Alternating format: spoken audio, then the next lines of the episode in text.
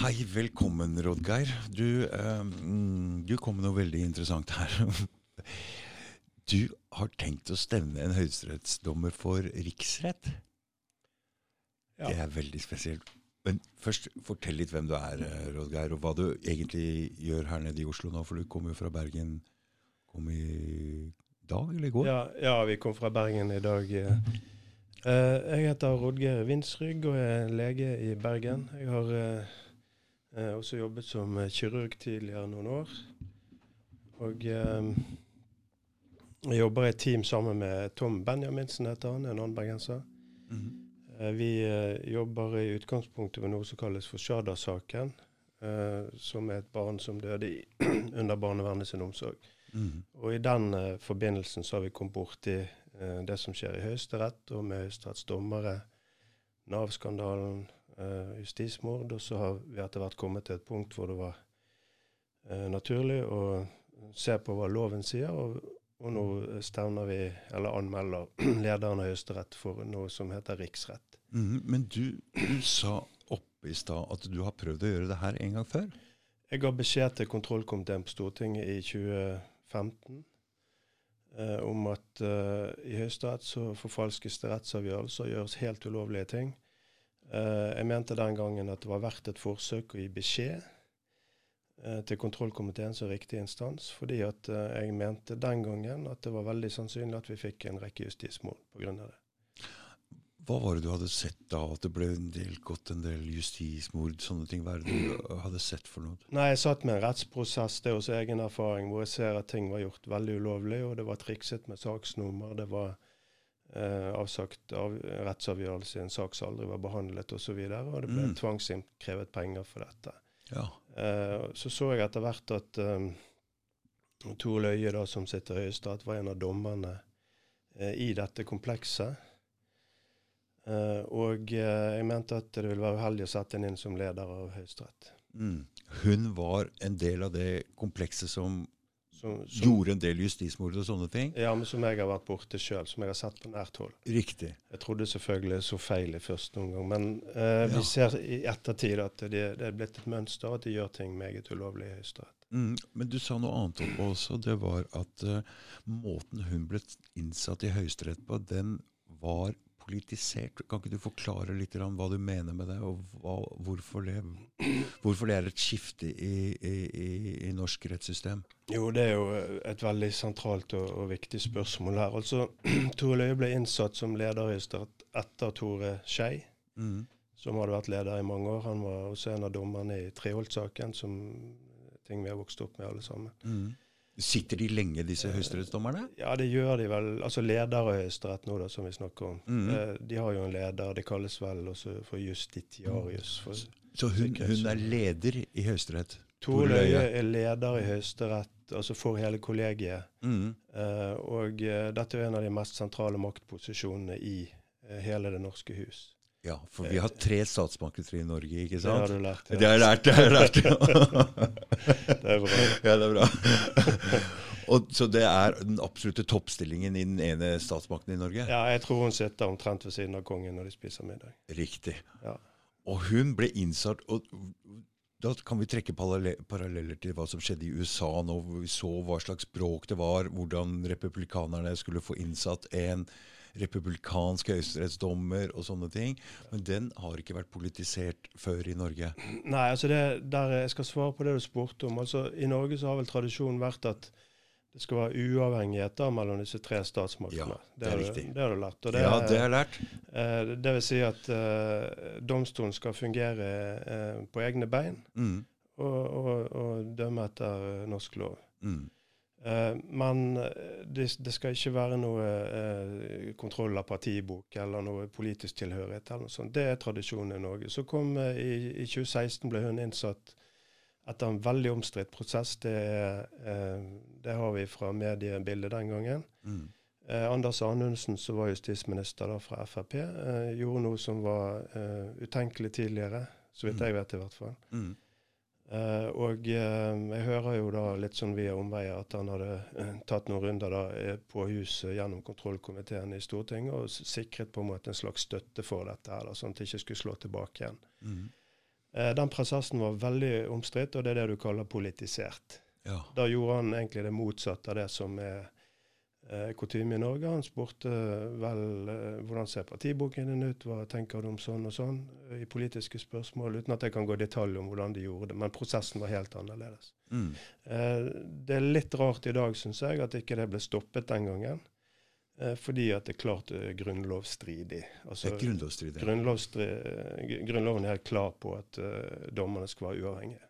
Mm. Og det skriver også Anders Anundsen gang etter gang, for sikkerhets skyld sjøl. Så det, den prosessen var veldig omstridt, og derfor så har du veldig ord i behold når du sier at den var politisert. Mm. Og den gangen når du så dette, så leverte du inn en eh, anmeldelse om riksrett. Jeg leverte inn uh, uh, i 2015 eh, en, et krav om riksrett. Jeg ble sittende og litt, eh, se litt på dette. Jeg syntes det var veldig rart at dette kunne passere gjennom Høyesterett, det som jeg satt med. Uh, og eh, mente det ville føre til en rekke justismord, det er ingen tvil om. Mm. Uh, og uh, jeg så også hva som er prosedyren. Og da er det sånn at mannen i gata, om du vil, eller velgerne eller borgerne, alt dette sånn, må gi beskjed til kontrollkomiteen på Stortinget Mm. om at her er det noe som kan eh, komme skjevt ut, om man kan si det sånn, og det gjorde jeg. Fordi Eh, Stortinget er den andre statsmakten. Stortinget som eh, lovgivende forsamling, ja. Mm. Og der er, Nå er vi inne på prosedyren, men det er altså, Stortinget har jo mange komiteer. Eh, og, og som dere vet, er jeg ikke politiker eller jurist eller noe som helst, men dette er bare fra, fra eh, det som vi alle er vokst opp med. Men altså kontrollkomiteen, eller Mm, kontroll- og konstitusjonskomiteen på Stortinget, da, har den rollen at de skal ha beskjed hvis det er noe galt i rettssystemet. Det kommer fra oss. Uh, altså Ifølge litteraturen, eh, juridisk litteratur da, så heter det seg sånn at uh, må, borgerne får da gi beskjed til kontrollkomiteen, og så må de se på dette. Ja. Det høres jo fornuftig ut uh, langt på vei. Mm. Kanskje litt rart at uh, politikere og dommere kan sitte og se på det ene justismordet etter det andre, og så overlater man til mannen i gata å gi beskjed. Men jeg tenkte det var verdt å forsøke å gi denne beskjeden, og, og, og si det som jeg mente var fornuftig den gangen, for jeg syns det så veldig alvorlig ut. og Det er at dette kan bare føre til justismord. Og det skjedde, Rådgeir. Akkurat det som skjedde. For nå har vi en haug med, med, med domfellelser her. Ja, det er veldig interessant nå når jeg jobber i team og har kontakt med inn mot forskjellige grupperinger, at, eh, at det har eh, blitt eksponert en rekke justismord etter 2016 i, i Tore Løie sin regjeringstid. Mm. Eh, og eh, vi har også Strasbourg, altså menneskerettighetsdomstolen i Strasbourg, hvor det er eh, Norge taper eh, stort, big time, når det gjelder saker i Strasbourg. det gjelder barnevernet, Mm. Eh, hvor Norge avkles eh, eh, nokså grundig med eh, massive brudd på menneskerettighetene. Mm. Der ligger det flere saker og venter, og det vil antagelig bare balle på seg med enda mer eh, menneskerettighetsbrudd, som er til dels fryktelig alvorlig. Og vi snakker i mange tilfeller om rene bortføringer av barn som er legitimert. Mm. Eh, og dette ga jeg da eh, Men du spurte om 2016, så jeg ga beskjed om det. Og, og eh, kontrollkomiteen eh, sin leder den gangen, det var Martin Kolberg fra Arbeiderpartiet Mm. måtte jo ut og svare på dette til slutt. Og han sier da at eh, kontrollkomiteen behandlet dette kravet. og De kom frem til at uh, Stortinget ikke skulle informeres. De kom frem til at det ikke skulle reises riksrett uh, mot uh, lederen av Høyesterett. Eh, det er ikke noe saksnummer, ser det ut til. Det er ikke blitt registrert noe sted? Eh, vi lurer litt på om det overhodet er blitt registrert. Så det henger noen spørsmål i luften rundt det i dag. Mm. Eh, og et av mine spørsmål vil bli, eller er eh, nå lagt inn til kontrollkomiteen i 2022, hvordan ble det behandlet sist? I øyeblikket ser det ut som det ikke ble behandlet overhodet. Nei. Derfor så velger du å gjøre det litt annerledes denne gangen her. Med å gå ut sånn at folk er klar over at du leverer inn en så det ikke kan snike seg unna, og må ta det opp.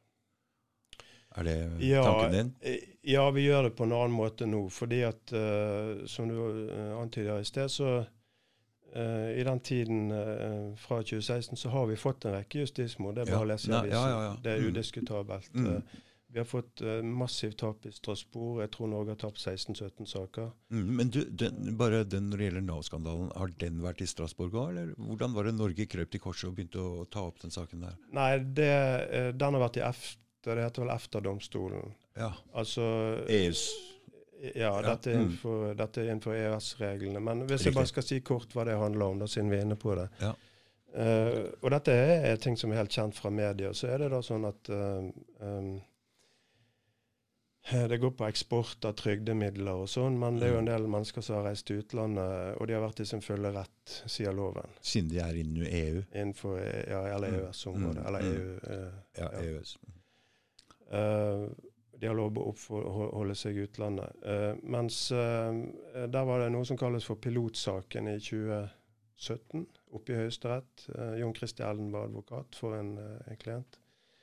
Hvor Toril Øye, da, som vi snakker om her, er, er ledet forhandlingene. Og sa da at dette er ulovlig, og det er grunnlag for å straffeforfølge disse menneskene. Det ble Det satte presedensen for de seinere domfellelsene. Der har du ordet, ja. Presedens. Så du har lest litt lekser? Eh, nei, altså den, den, det, det veit jeg fra rettssystemet fra før. Nettopp. Presedens, eller eh, retts... eh, skal vi se, det blir vel rettspraksis, sant? Ja, praksis, Riktig. ja. Det er veldig viktig. Det er det Mm. Høyesterett driver med. Ja. Eh, og dermed så eh, kom det til en rekke domfellelser. Jeg har beskrevet nå eh, mellom 40 og 50 justismord, rene justismord, Mm. som ble korrigert i EFTA-domstolen eh, seinere. Altså, dette er feil. Og da har vi Toril Øye igjen, ikke sant? Der er hun helt sentral i det. Eh, og det som er interessant nå, det er at hun gikk ut etterpå og, og eh, sa at Høyesterett har ikke til oppgave å undersøke hva som har skjedd i tidligere saksgang. De kan, det kan vært gjort grove feil, men de gikk den gangen kun på straffeutmåling. Da. Så hun sier basically at Høyesterett kan sitte med justismord, men hvis de bare ser riktig vei, så uh, slipper de å se på det de eh, skal se på. Så de har ikke gått inn og tatt ordentlig selvkritikk, men de bare går på straffeutmåling? Er det det som forstår? Ja, jeg, jeg har forstått det sånn at uh, med de uttalelsene som jeg har referert her, så sier Tore Løye at de ser ikke noen grunn til å ta selvkritikk på det. Nei. Men det ble senere, som da sagt, korrigert i EFTA-domstolen, så Norge tapte. Mm. Det vil si at det de gjorde, var ulovlig. Mm. Men nå, etter EFTA-domstolen, så har de måttet forandre på alt, eller tatt selvkritikk, eller? Ja, der står jo vi nå eh, eh, Som du forstår, så er jo ikke jeg eh, ekspert på disse Nav-spørsmålene. Jeg, jeg tar opp det som jeg har forstått etter beste evne. da. Men, Mm. men altså, vi står jo der at disse domfellelsene var ulovlige. De er ikke fundert i loven. Mm. Eh, og det er et klart brudd med eh, menneskerettighetene og med Grunnloven at uskyldige ble fengslet. Mm. Det er uhørt. Og da blir det prat om erstatninger, og noen av disse har jo måttet sone fengsel. Og, Dette er fengselsstraff og fotlenke Mm, ikke sant? Og da må det jo bli prat om noe erstatning og greier. Ikke bare at de forandrer på praksisen med å la folk få trygden altså, i utlandet. Ja, det er Og det er aldri staten veldig, veldig villig til på et massesøksmål sånn. Nei, der pågår jo en prosess nå eh, opp mot eh, Stortinget, hvor det er snakk om erstatning, som jeg forstår. Og eh, det blir vanskelig. Eh, det er litt utenfor det som jeg har tatt opp, men, men ja, det er den prosessen som pågår. Det er selvfølgelig prinsipielt interessant, fordi at eh, eh, Bare for å legge til det når det gjelder fengsling av uskyldige, da, så eh, er det fordi det gjelder et kan være et stort traume. Det handler om å fortelle venner og familie at de har Mm, vært fengslet. klart. Eh, Noen har mistet ektefelle eller barn på det, kanskje. Mm. Altså i det, altså i det familiesporet osv. Mm. Så eh, jeg skjønner at det er et stort traume for de som eh, er, er rammet av det. Det er et alvorlig inngrep i menneskets Og vi eh, prater jo også om kanskje noen av de svakeste stilte menneskene som er på trygd allerede. ikke sant? Ja, Det kan være eh, hardt å Ja, altså, jeg, jeg, jeg tror jeg bare vil si at uh, dette er folk som uh, har uh, eh, hatt eh, sykdom, de har hatt behov Mm. for rehabilitering osv. Det sier seg sjøl at de Mm. eh, har eh, som regel hatt mer enn nok fra før. mm, Så det ble fengslet opp, på det hele fremstår for de fleste, tror jeg, i Norge i dag som veldig, veldig brutalt. Klart. Mm. Så nå velger du altså I dag er det tirsdag, så på torsdag du skal ha en slags pressekonferanse og gå ut og, og kreve riksrett. Fortell, hva er riksrett, Rådgeir? For det, når jeg første tenkte, så tenkte jeg hva i all verden er det? Det høres veldig alvorlig ut. Ja, det høres alvorlig ut. og Det er mulig at det er mange som ikke vet så mye om hva det er for noe. Det gjorde ikke jeg heller egentlig før jeg begynte å lese meg opp på det. Mm. Men hvis jeg skal bare skissere kort uh, uh, hva dette er for noe, så er riksrett uh, en av de to høyeste domstolene i Norge. Har Høyesterett, som er øverste rettsinstans. Mm. Og så har du den såkalte riksretten, som da er en helt spesiell domstol. Den består av elleve medlemmer, halvparten fra Høyesterett. og den domstolen der skal ta seg av hvis eh, en stortingsrepresentant eller en, et regjeringsmedlem eller en dommer av Høyesterett har brutt sine plikter. da. Disse tre fra de tre statsmaktene? De tre statsmaktene som mm, vi har, uh, mm, ja. Mm. Uh, så dette er alvorlige greier og veldig sjeldent i, bruk. heldigvis kanskje, for det betyr at det er ikke så galt. Eller så kan du snu på det og si at kanskje gjelder en slags straffefrihet for disse gruppene Mm. uh, som vi mulig ser inn i nå i tiden som kommer, og at uh, det burde ha vært brukt uh, oftere. Mm. Så riksrett er da en domstol som skal uh, ta de som ikke dømmer de, eller frikjenne de som normalt ikke vil komme til i domsapparatet, og det er de øverste lederne våre. Har vi hatt noen domfellelser i riksrett før i Norge, eller? Ja, nå har jeg sittet og, og, lest meg opp på dette. her da. Altså, så vidt jeg har skjønt, så var den siste domfellelsen, sånn som du spør, i 1926-27. Oh, ja. Det er en del år siden. Da var det en, en riksrettssak mot regjeringen Berge, da, som det het. Jeg tror han het Abraham Berge. Og det banet vei for den første Arbeiderpartiregjeringen den gangen. Mm. Uh, det gikk kort fortalt på uh, opplysningsplikten overfor Stortinget. Og det ble innfelt i norske lovverket i 2007. Sånn at uh, det er mange år siden, det er jo snart 100 år siden sist det var domfellelse i riksrett i Norge. Du sa 2007, nå skjønte jeg ikke helt hva Ja, jeg, vil, jeg ville bare si at det som var tema den gangen, ja. uh, i, i 2019-2027 Det var opplysningsplikten fra regjeringen over til Stortinget? Ja, det handler om overføring av informasjon og opplysningsplikt. ja. Uh, det ble lagt inn i Grunnloven, har jeg skjønt, i 2007. Altså temaet den gangen. Ja. Uh, men det indikerer uh, Det viktige for oss, syns jeg, det er å si at uh, hver gang det er et riksrettskrav, mm. enten det blir avvist eller fører til noe, mm. så er det en konstitusjonell begivenhet, såkalt i Norge. Mm. Det er noe som kan få betydning for videre praksis. Ja. og da har du vel svar på spørsmålet ditt. Fordi kontroll og, den kontrollkomiteen må ta et eller annet standpunkt til det som har foregått her? Er det derfor du mener det kan ha betydning, uansett om det ikke eh, kommer opp eller ikke? Ja, altså historien viser at uh, Du spurte når det sist var riksrett. Det har jeg skjønt var i 1926. Mm, det er en stund siden. Mm. Uh, men det har vært riksrettskrav. Uh, hvis vi går til vår tid, så har vi jo NRK sin journalist Tore Sandberg, som vi vet Eh, var involvert i Fritz Moen uh, justismordet. Mm. Per Liland mm. justismord. Mm. Erkjente justismord. Kre, han krevde riksrett uh, i 2007 for tre dommere i Høyesterett. Ja. det ble avvist.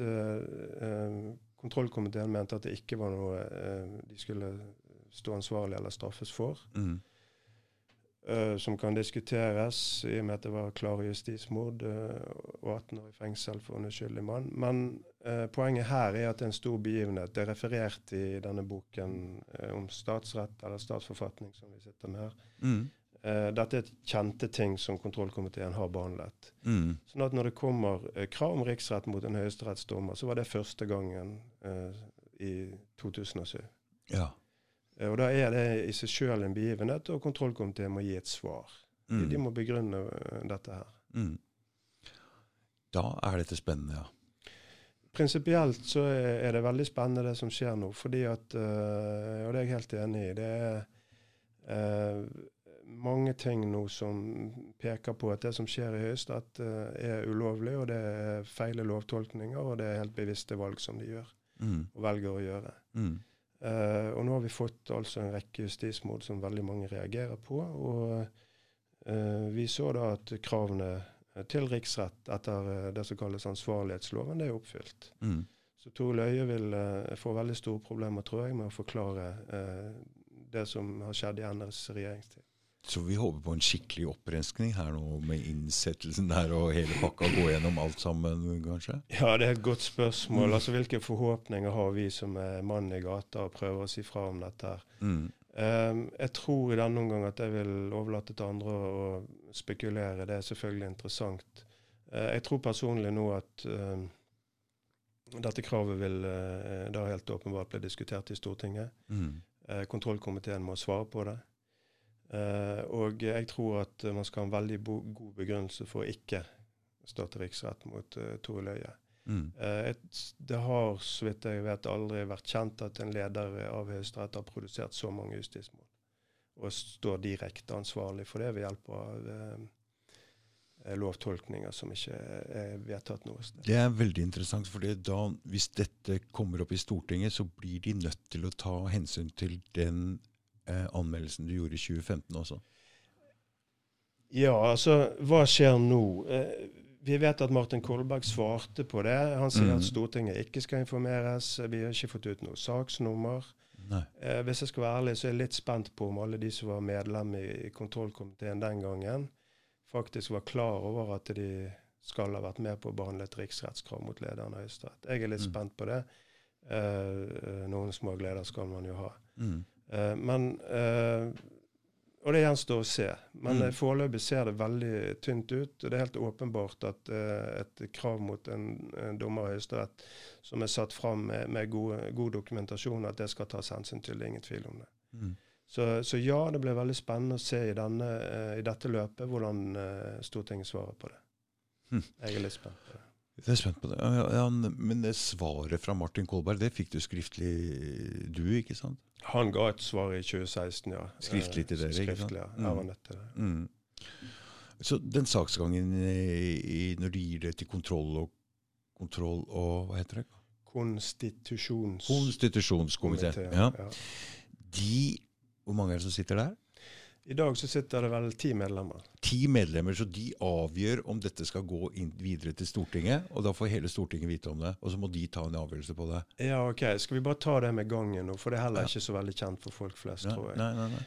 Eh, kontrollkomiteen, eh, vi kaller det for enkelhets skyld nå, da, men det betyr kontroll- og konstitusjonskomiteen. Ja, mm -hmm. eh, sine medlemmer. Så her er dette sendt til leder av uh, kontrollkomiteen, som heter Peter Frølich. Mm.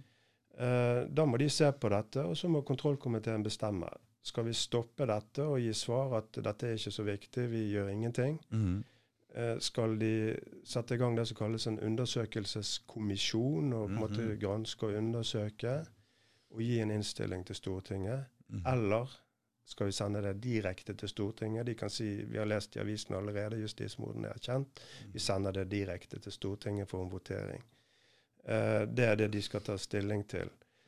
Um, og um, det blir jo spennende å se. Jeg tror jo personlig at det å si at dette ikke er så uh, farlig med, med, fengsling av uskyldige og massive menneskerettighetsbrudd som avdekkes i Strasbourg, det tror jeg Uh, at de kan klare å si en to-tre uker, kanskje, så går det ikke lenger. Det er min oppfatning. Mm. Uh, Nå er det jo en justispunkt som er veldig aktuelt, og det er jo den Viggo-saken. Den er altså Nå ser jeg at Agder politikammer altså de har driti seg så loddrett ut. Med en gang Oslo-politiet fikk tak i den saken der, så dro de og henta dommerkortet. Han Viggo hadde jo sagt han var uh, og spilte fotballkamp dagen før. Dette har Agder-politiet driti i. Det er mange ting de bare har oversett. Så det her er jo et justismord nesten garantert, det òg. Det er veldig interessant det du sier, syns jeg. Og det er absolutt noe vi har uh, hatt i tankene når vi har jobbet med dette her. Mm. Uh, for det du beskriver nå, er i samme løypen. Mm. Uh, det går en rød tråd fra um, um, Fritz Moen, som vi vet var tyskerbarn og, og, og mm. handikappet og umulig kunne ha begått disse drapene, ja. og frem til uh, Viggo Kristiansen og Baneheia-drapene. Han er jo, som vi vet, fremstilt som et riksmonster. Mm. Uh, det ble filmet i rettssaken. Nei, det, altså, det, er en skjebne som er verre enn noe altså, Hvis ja, han er uskyldig i det her, og noe som jeg er nesten sikker på at han er ja. Det er en annen ting som kom fram nå. Det var jo en anmeldelse av uh, han Jan Helge for en voldtekt dette har blitt holdt unna av Agder politikammer. Det kom ikke fram når de vurderte eh, nå sist. Og dette er også noe Oslo-politiet måtte dra fram nå? Ja, det er veldig interessant. Jeg, ja, altså, det er helt da, da, Det er veldig interessant. Jeg, jeg, kan bare si at i, i vårt løp da, så uh, vil vi komme til å um, si at uh, det bildet vi ser nå, eh, eh, vil også angå det som kommer i Viggo Kristiansen-saken. Uh, jeg vil ikke spekulere i uh, sånn, men vi syns vel det ligger i luften at det fort kan ende med et fryktelig justismord. Mm. Eh, media må gå i seg sjøl helt åpenbart Ja. etterpå. Mm. Og eh, det er vel få som kan sette seg inn i den belastningen det må være å, å eh, bli dømt uskyldig. Med det hatet du, jeg, jeg har jo sittet i fengsel, så jeg veit jo det at når du kommer inn i fengsel, så har du liksom venner, det er kamerater, så det er ikke så ille. Men her sitter du altså for en så betent sak som er, alle fangene hater deg. Alle hater deg. Så er du så ung, og så er du uskyldig. Det, er altså, det, det går ikke an å sette seg inn i en sånn situasjon. Det er en eh, Det er en Det er helt uh, Jeg tror ikke de, folk skjønner hva det der egentlig innebærer. Nei, og da er vel du kanskje en av de som eh, forstår det tross alt bedre enn de fleste. Og, Mm. og Uh, vi vet jo at disse uh, sedelighetsforbryterne, eller Mm. seksualforbrytere, og særlig seksualdrap mot barn og sånn, er vel Mm. de som får det vanskeligst i fengselet, så vidt jeg har skjønt. Og, Klart, ja. Det fikk Fritz Moen eh, oppleve, og det har vel sannsynligvis Viggo Kristiansen fått oppleve. Eh, sånn at eh, ja, det vi holder på med nå, kan komme til å eh, vise det landskapet et eventuelt nytt justismord kan lande i. Det, det er vel det vi mener. Så vi syns det eh, også av den grunn kan være eh, viktig å få det belyst. Mm.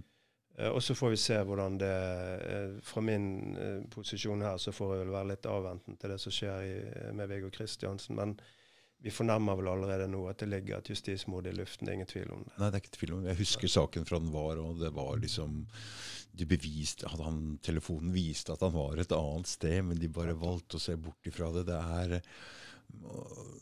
Jeg vet ikke, men Stine Sofies stiftelse det, det, det, er mye, det er mye følelser i sving når det er to små barn som blir drept. Og Kristiansand det, var, ja, det er Ja, det er eh, veldig vanskelig og veldig betent, og selvfølgelig tragisk for de involverte.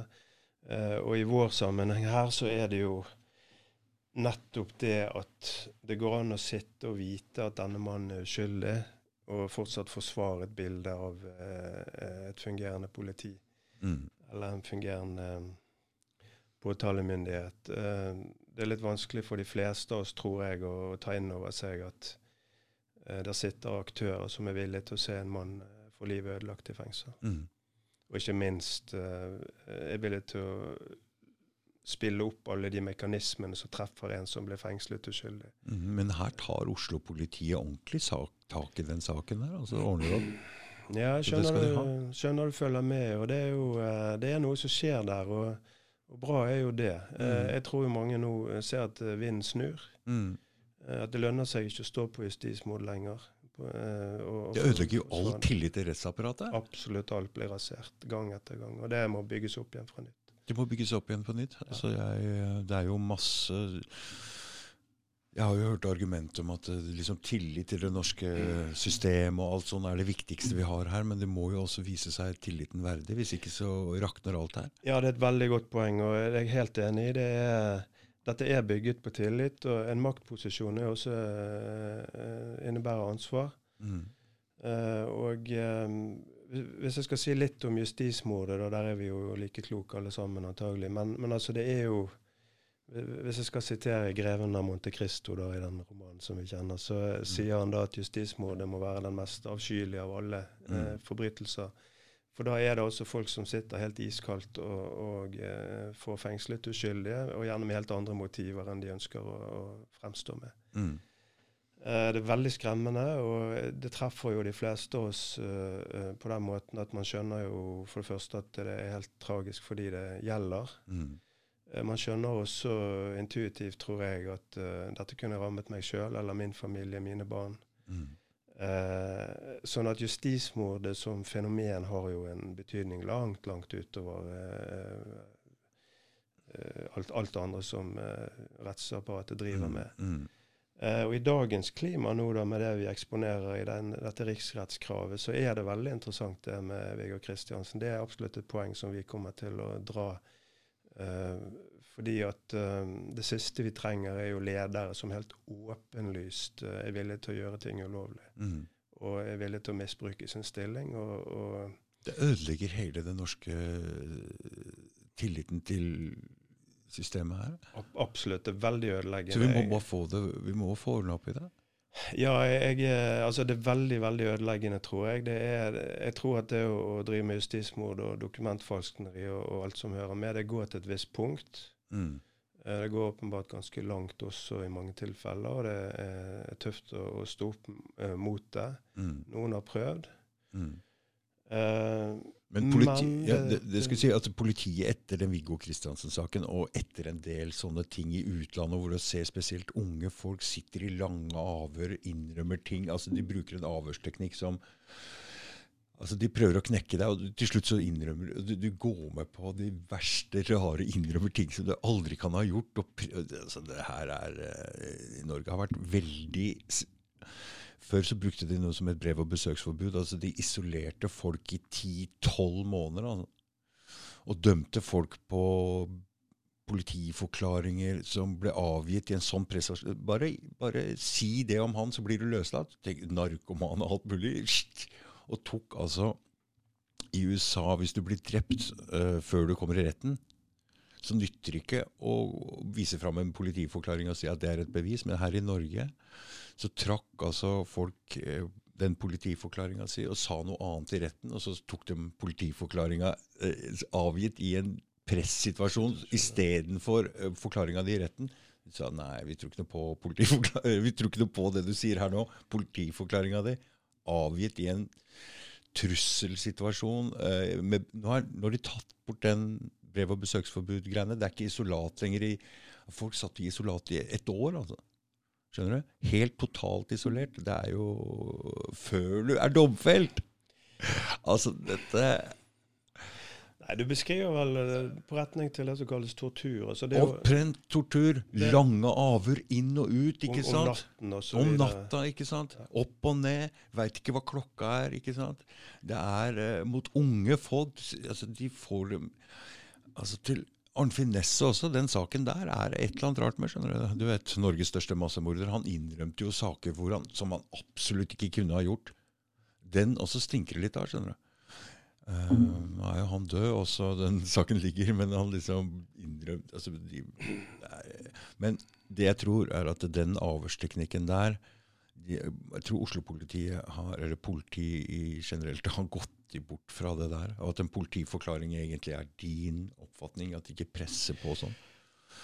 Ja, nei, det, det, det, er jo et stort tema og veldig interessant uh, det du snakker om. Jeg, um, bare for å trekke litt tilbake igjen til det, uh, vår sammenheng, så vet vi jo at Fritz Moen ble presset på den måten der. og han forteller liksom at mannen ble sint hvis ikke jeg gjorde sånn og sånn. Og han har stått i en veldig sårbar situasjon. Så, uh, og det går på de uh, avhørsteknikkene og sånn. Det er ikke uh, noe jeg skal si mye om. Men, men altså justismordet som fenomen er jo Det berører jo hele, hele samfunnet, og det mm. er jo nok til å rasere hele tilliten til rettsstaten. Mm.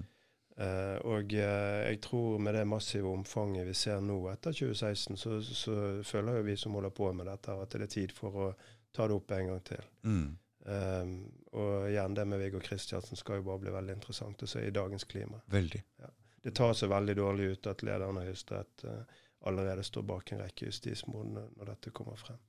Fordi um, Jeg vet ikke om du er helt enig med meg, vi, vi er en svær gruppe mennesker nå som føler at tida er inne for at noe skal skje, en stor forandring i samfunnet. For vi har um, vært igjennom noen greier her som har gjort at folk uh, ser at det er noe gærent. Med media, med politikerne våre, med hele systemet trenger ikke du å si noe om. Men Nei da, vi vet jo at uh, eh, det er uh, mange reaksjoner ute. Og det med media uh, er selvfølgelig også interessant i dette bildet, for de også kan være med å bygge opp en situasjon. det ble jo kalt den fjerde statsmakt. Fjerde statsmakt, ja. Ikke sant? Det ble jo kalt det, og de hadde en slags De har en rolle til å passe på de andre tre, men den rollen er også borte. Alt er blitt én. Ja, det er altså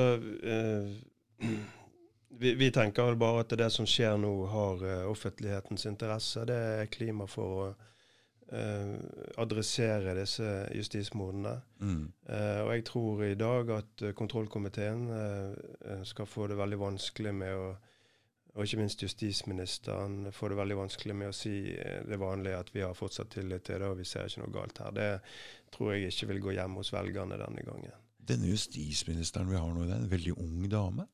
Ja, Hun er jo ikke gammel nok til å sitte i Høyesterett uh, som dommer. De må være 30 år Mm. etter Grunnloven. Det er veldig spesielt med en justisminister som er under 30 år. Ja, kanskje. Det er jo Man kan jo um, Hun er jo på den politiske siden, da, så Men er det kanskje litt tankevekkende at du eh, er øverste leder for justisvesenet, men ikke gammel nok til å sitte i Høyesterett? Det kan man jo spekulere på. Mm. Eh, det er ikke noe jeg har eh, Nei, nei, nei. problematisert her, men, men, eh, men noe er det jo med det. Nå tenker vel Det er ikke sikkert alder i seg sjøl garanterer noe. Kanskje kunne det tvert om. Men, mm, mm. men det skal bli veldig interessant. Justisministeren må jo helt åpenbart være informert om dette. og etter loven kan uh, Tore Løie helt klart, eh, som leder av Høyesterett og av Riksretten, være klar over det. Hun leder de to øverste domstolene i Norge. Mm. Eh, så vil loven helt klart legge opp til at det er grunnlag for å suspendere henne i denne fasen. Under, det- hvis det blir en slags etterforskning eller en slags uh, Nesten under enhver omstendighet. De kan Ja. aldri leve med en leder av Høyesterett eh, som eh, er anmeldt for riksrett, og det er bare å bla opp i avisen, så ser du hva det handler om. Det er ikke veldig avanserte undersøkelser som kreves. mm. Sånn at eh, Nå er vi litt på neste fase her, men jeg, tror eh, det er helt åpenbart at justisministeren som er ung, det er riktig. eh, men hun må nå ta stilling til om dette er en ledelse de kan sitte med. Jeg tror at det blir veldig vanskelig. Eh, det er en annen ting når du er så ung, og så har du egentlig pondus nok til å tørre å gjøre noe selvstendige avgjørelser her. Ja, altså det, jeg, jeg- tror for min del, eller for, for, la oss si fra mitt team, da, som vi prøver jo å fremstå litt striglete av, men jeg tror ikke at den aldersdebatten tror jeg at det bare skal ligge. Vi registrerer at vi har en Mm. ung justisminister. Mm. Får Det blir spennende et par veldig store utfordringer nå. Mm. Um, og så får vi bare se. Mm. Ja, det, blir, det skal bli spennende. Det kan slå begge veier, som du sier. Ja, altså Tenker nytt når du er ung også.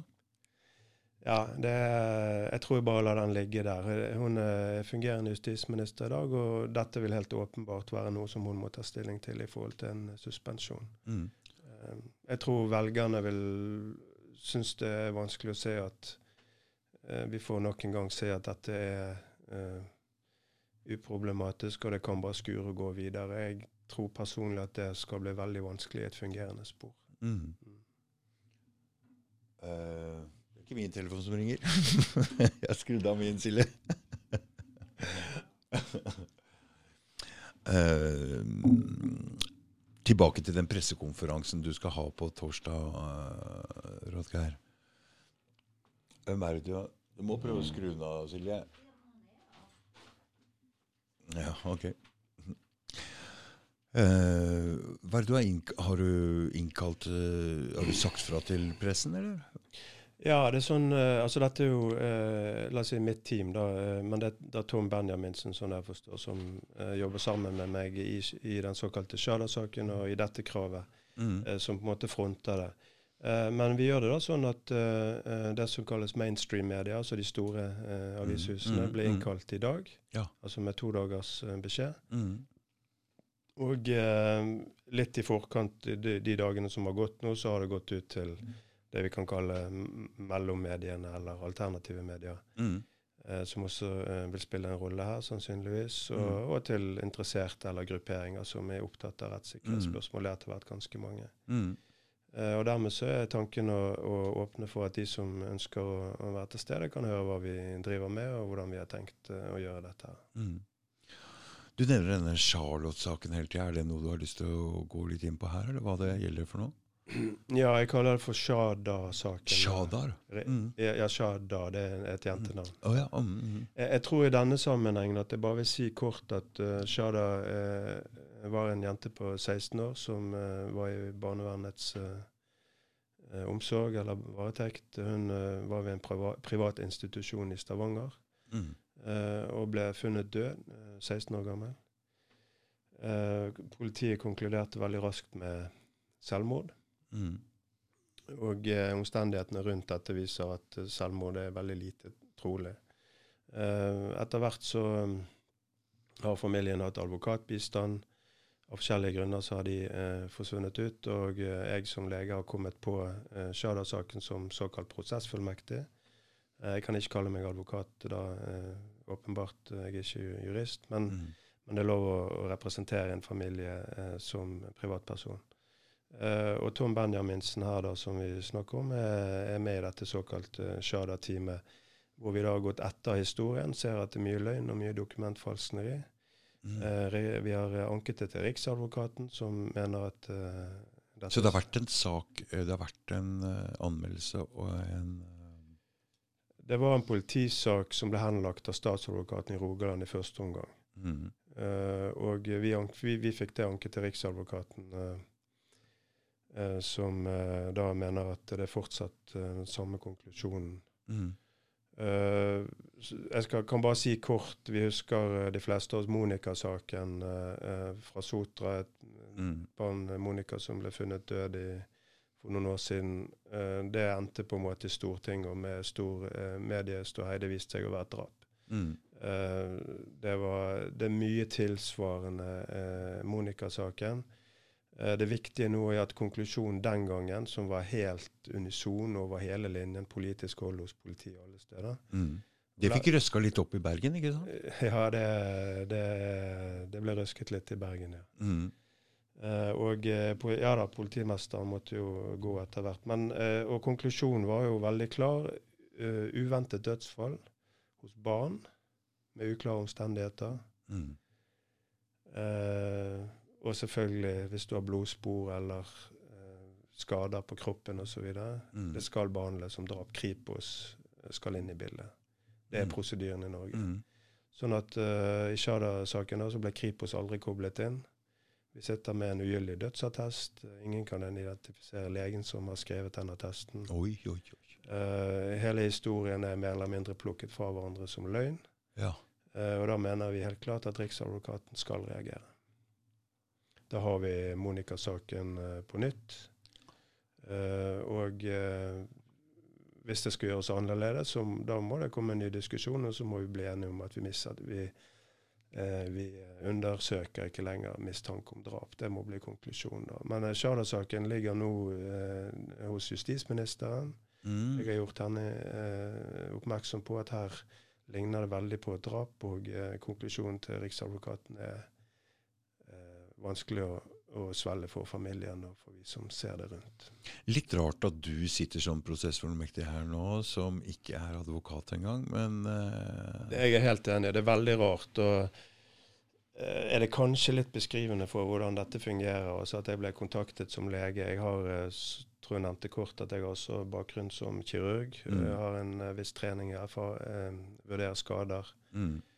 Eh, vært leder av traumeteam osv. Men som, pro- som prosessfullmektig så får du ut papirene, ikke sant? Ja, vi strevde mye med å få ut dokumentene, men de var nødt til å levere ut politidokumenter, bilder fra åsteds, åsted osv. Ja. Uh, og vi ser, alle ser jo med det blotte øyet at dette er et barn som har ytre skader.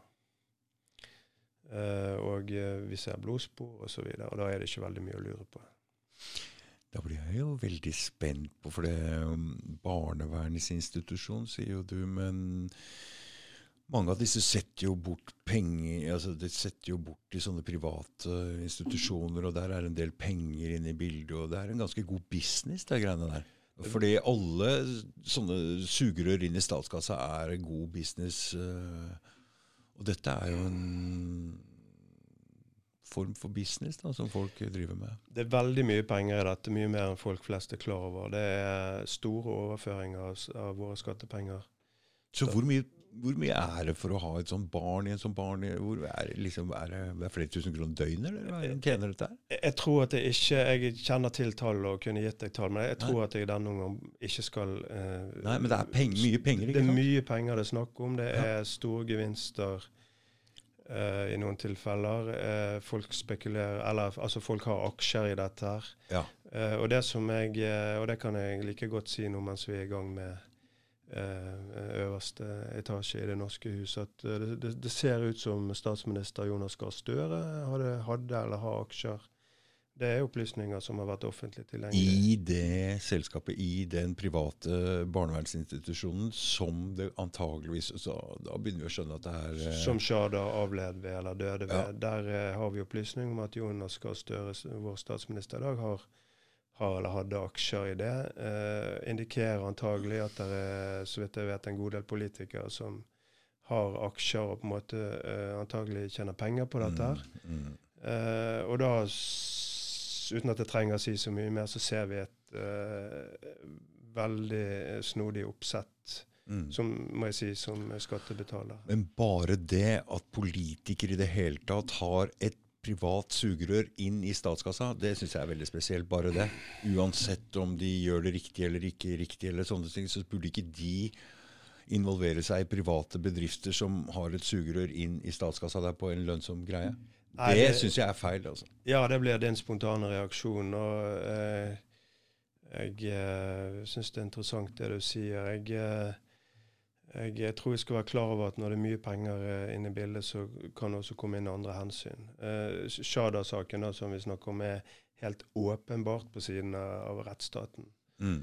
Og Vi snakket litt i sted, om, i sted om hva som er koblingen her. altså Hvorfor roter vi oss opp i alt dette. Mm. Men det er jo veldig enkelt sånn at i dag så kan Riksadvokaten si at uh, Shada-saken er henlagt som intet straffbart forhold, kode 010. Altså, mm. uh, men det er klart at hvis du har et retts en, et rettssystem som ikke fungerer, dommere som eh, er villige til å produsere justismord osv., så, videre, mm. så blir det jo en slags bisarr logikk i dette eh, mm. på en måte. Altså, det blir aldri straffbart. Så ser vi ukulturen i Agder politidistrikt, så ikke forundre meg om det er litt sånn i Rogaland. Vi har sett det i Bergen, ikke sant? Ja, altså det, det blir eh, sånn at Koblingen her er eh, sånn at Sjala-saken vil aldri ha en sjanse i en rettsstat så lenge Eh, så lenge vi har den ledelsen og, og de signalene som de sender ut i forhold til de justismordene som produseres. Mm. Dette er pussig å si. Jeg er, igjen, jeg er ikke advokat og heller ikke jurist. Men så ser vi jo gang på gang at uh,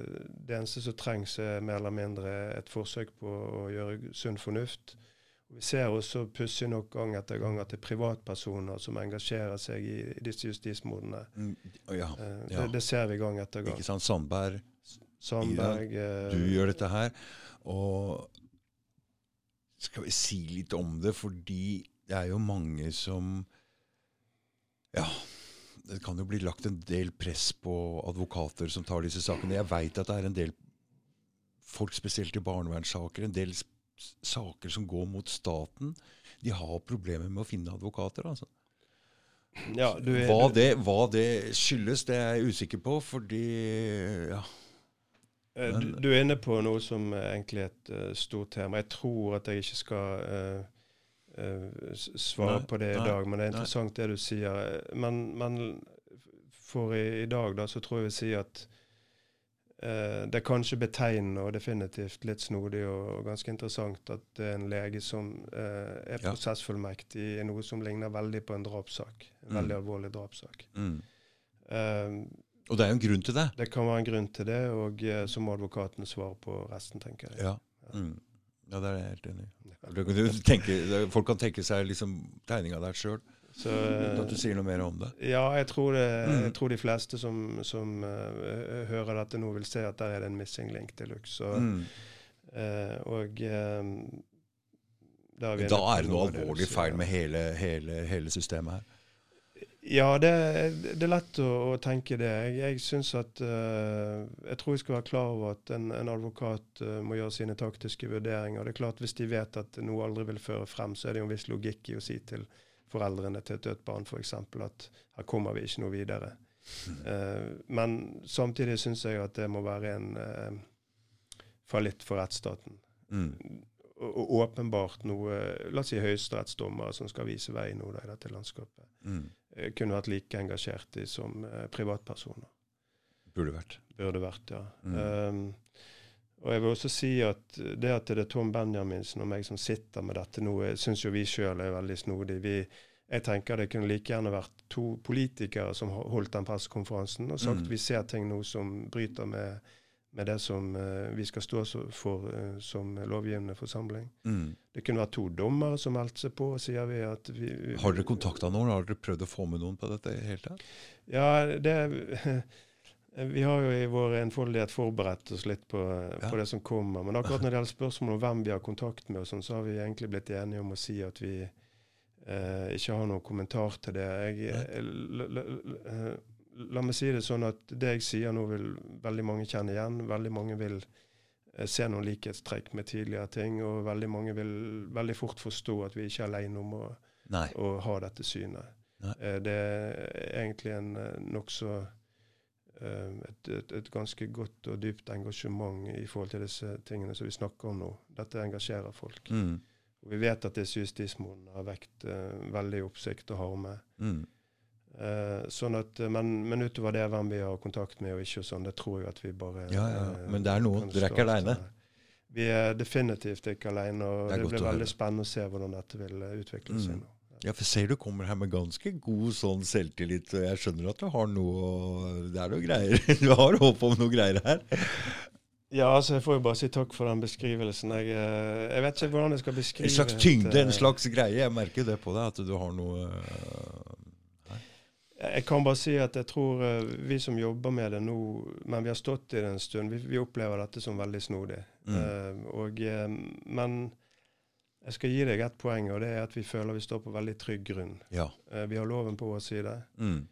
Eh, Vi har eh, det jeg vil kalle alminnelig sunn fornuft på Mm. vår side. Det er ikke gangbart å fengsle uskyldige. Nei, så passer det veldig godt med den Viggo Kristiansen-saken som er oppe nå, for det er veldig aktuelt tema. Det kommer inn i en tid som er veldig interessant, helt enig. Mm. Mm. Eh, og uh, kanskje jeg skal si også at det som vi beskriver nå, har egentlig veldig liten tilslutning hos folk flest. Det tør jeg påstå. Ok. Det er veldig få som vil stille seg opp og si at dette går vi for. Det er, Mm. eh, vi, vi har sitert eh, professor eh, det er vel Hans Petter Graver fra Mm, Universitetet i mm, Oslo i, mm. i dette skrivet her. Ja. Hvor han beskriver eh, Tore Løie sin virksomhet i Høyesterett. Eh, og han, han sier vel eh, røftlig at dette er ikke sånn det skal gjøres. Og eh, det er en nokså krass beskrivelse som man veldig, ser, eh, veldig sjelden ser eh, eh, jurister gå ut med. Eh, men han har selvfølgelig sine ord 100 i behold. Vi, Mm. vi ser det samme alle sammen. Mm. Og jeg syns at det beskriver en atmosfære, det ligger litt i luften her, at uh, dette er noe folk reagerer på, men også grupper som vanligvis vi ikke hører så mye fra. Mm. Disse jusprofessorene, for dere har jo en god en i Bergen også. Og eh, hva slags, hva slags rolle har de egentlig inn i det hele tida når en jusprofessor uttaler seg sånn? For de er vel egentlig jobber på universitet og lærer opp, men hva slags rolle, hva slags styrke, hva har de egentlig å si? Hvor mange er det av disse? Ja, hvem var det du tenkte på nå, bergenser? Eh, det er, jo- jeg husker ikke hva han heter, men jeg veit dere har en god en i Bergen som okay. er ute og, og påpeker en del feil. Ok, ja. Mm. Jeg tar ikke han helt i farten, men det finnes jo mange berømte bergensere. Så. ja, nei, men hva, hva er det liksom For Graver er jo altså Han har jo tyngde, han har jo en greie Som, som, som jusprofessor, hva har det å si at du kommer med en sånn uttalelse, egentlig? Nei, altså i, i vår prosess nå, da Vi har jobbet med dette riksrettskravet eh, en, en stund. Og, Mm. og når vi ser en uttalelse fra en jusprofessor i, i Oslo eh, ved universitetet, så veier det veldig tungt, syns Ja, jeg. Ja. Han har beskrevet dette med eh, som skjedde rundt eh, EØS-sporet og, og fengsling osv. Og, så og han sier at rettsstaten nå fungerer ikke og kan ikke ta eh, vare på sine. Mm. Uh, det er på en måte min tolkning, da. Det får uh, stå for min regning. Men han har uttalt seg veldig tydelig om det. Jeg syns det var uh, veldig befriende å lese det. Mm. Eh, fordi at det er helt åpenbart riktig å sit sitere han på, der, eh, på det han har sagt. Mm. Eh, og eh, som du spør om, det er et innspill fra noen du vanligvis ikke hører så mye fra. Ja. Eh, jeg tenker som alminnelig la oss si, borger eller belger at da har det kokt over for noen på universitetet. De, de syns dette er så ille at, Mm. at de ikke vil holde munn eller bare la det passere uten at de sier Mm. fra om det. Så det er viktig, eh, viktig at han gjør det. Jeg oppfatter det som veldig viktig at han som eh, da er universitetsansatt og, og en god jurist Mm. eh, sier det. Vi har sitert han på det. Mm. Veldig viktig. Mm. Eh, for det tar det litt ut av Husk at, husk at opplegget her er at mannen i gata skal si fra nå da om, om det som skjer. Det er opplegget inn mot kontrollkomiteen. Men, men, vi vet samtidig at når du kommer med dine innspill, så er det ingen som vil høre på deg. For du er fortsatt bare mannen i gata.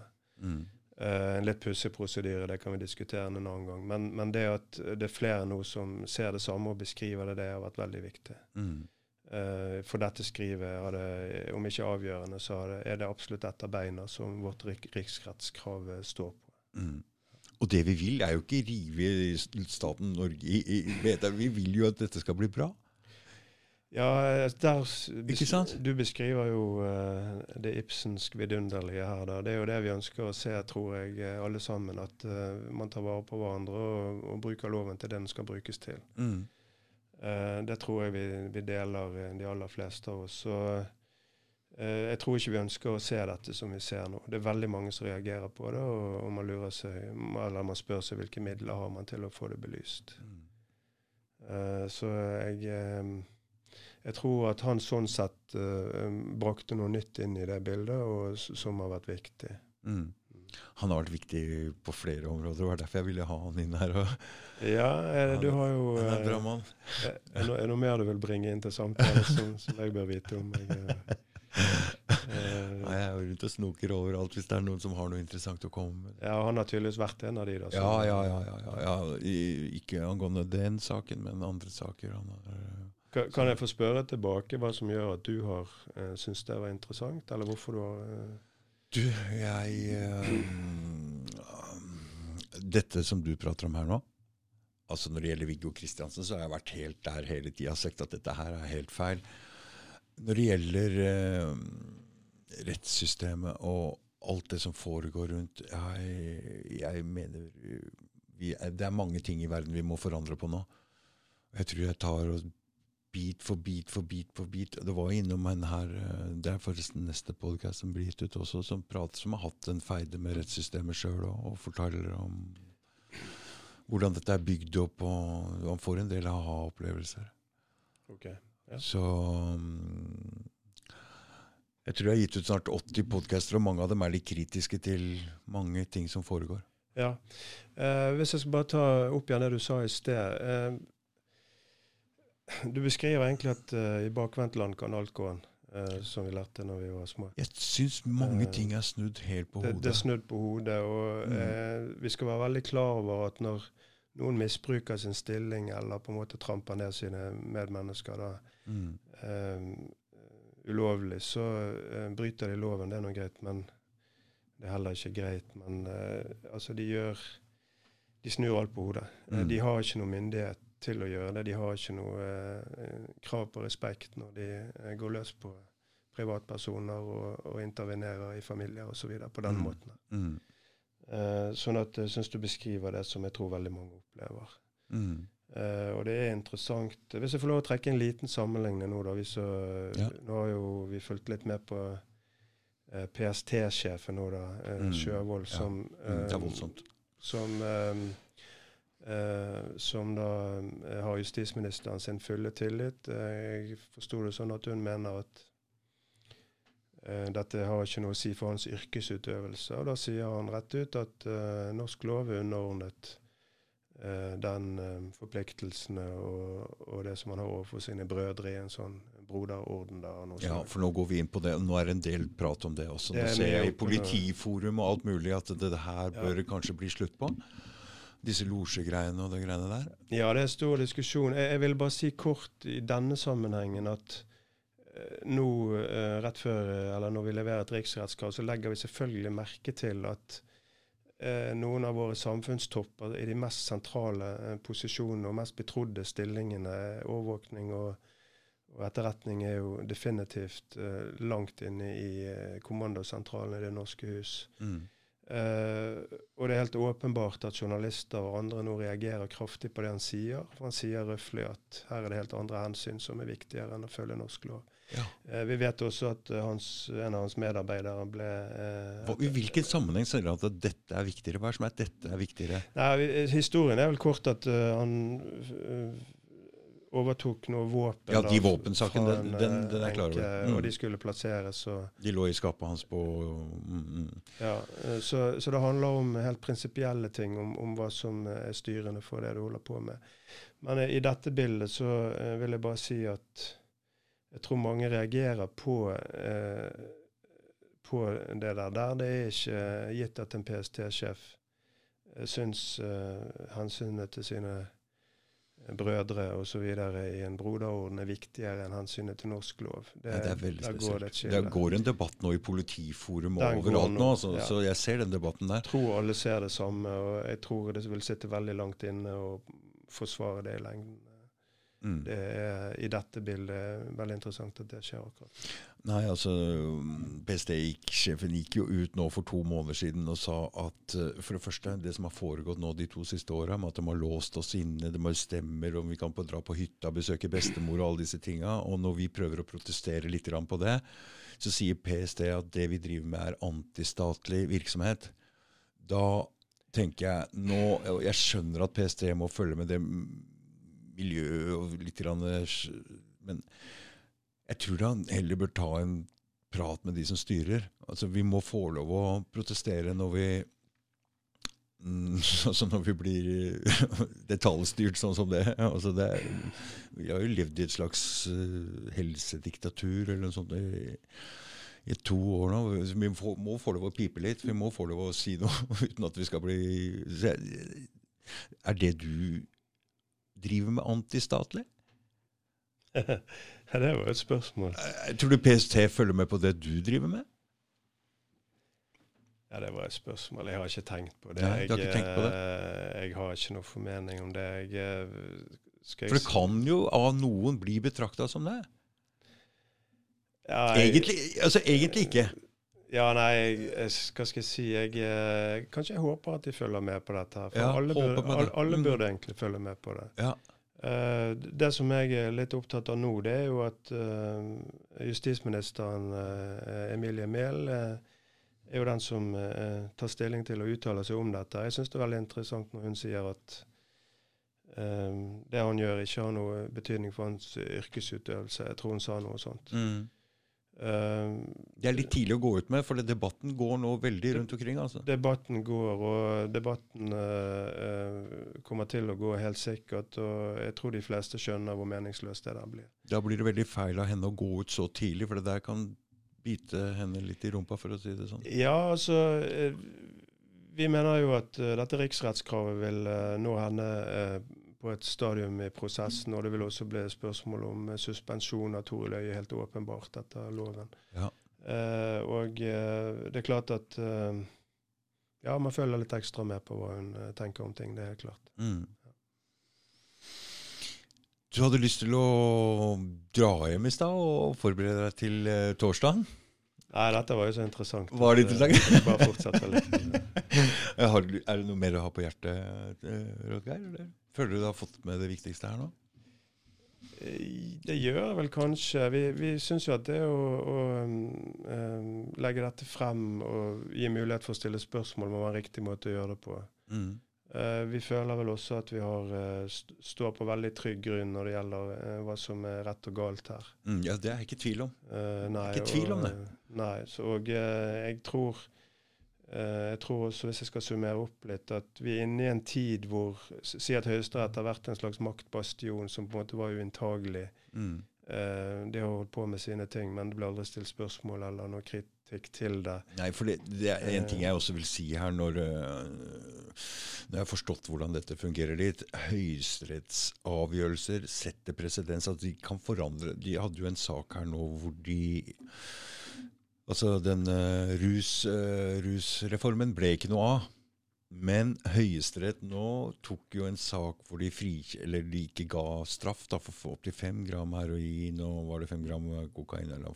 Så det, det betyr heretter så vil ikke folk få straff for det. Så de, Høyesterett kan forandre lovsystemet som de vil. Og Så det der er en stor eh, maktfaktor. Absolutt. Det, det, altså, det, den tolkningen de gjør, og det du kom med kjekt ord, presedens Ja, setter presedens for det. Så de kan altså, selv om rusreformen ikke gikk gjennom, så kan Høyesterett gjøre det for det? Ja, du tar jo et eksempel på at de blir en, en faktor i, i De, de, de overstyrer alt. Så det er veldig viktig. Og jeg tror det er helt avgjørende det du sa i sted, at de også avhenger av tillit. Eh, tillit er vel, skal vi si, det er en ferskvare. Mm. Eh, det er ikke noe som er gitt eh, etter eh, enhver omstendighet. Og jeg tror vi er kommet der nå at folk vil stille spørsmål om hva som skjer i Høyesterett. Mm. Eh, det er helt åpenbart riktig, for nå er de eh, på sånt villspor at de vil De tar rettsstaten rett og slett eh, i feil retning. Mm. Det er det vi opplever. Mm. For det der kan bare være en sånn liten Ok, vi gir dere den rusreformen lite grann, og så retter de ikke på noe annet viktig. En liten sånn Jeg vet ikke hva jeg skal si. Liten Ja, kanskje. Gi litt med ene hånda og holde igjen det viktigste. For det viktigste er jo altså, Når det gjelder rusreformen og det der, så er det en helt annen sak. Hvis de hadde ville hatt slutt på narkotikabruken, så skulle de gjort noe helt annet enn å gjøre det der. Men uh, Så jeg ser ikke helt uh, at det der er viktig. Men det der er jo ikke noe viktig. Altså det med justismord og få ordna opp i de tinga der er jo en mye større, viktigere sak. Så Ja, altså, du, du beskriver det som er noe av poenget. Det er jo at uh, det Høyesterett foretar seg, og, og det, det dommerne der gjør og, og tenker, det har betydning for folk.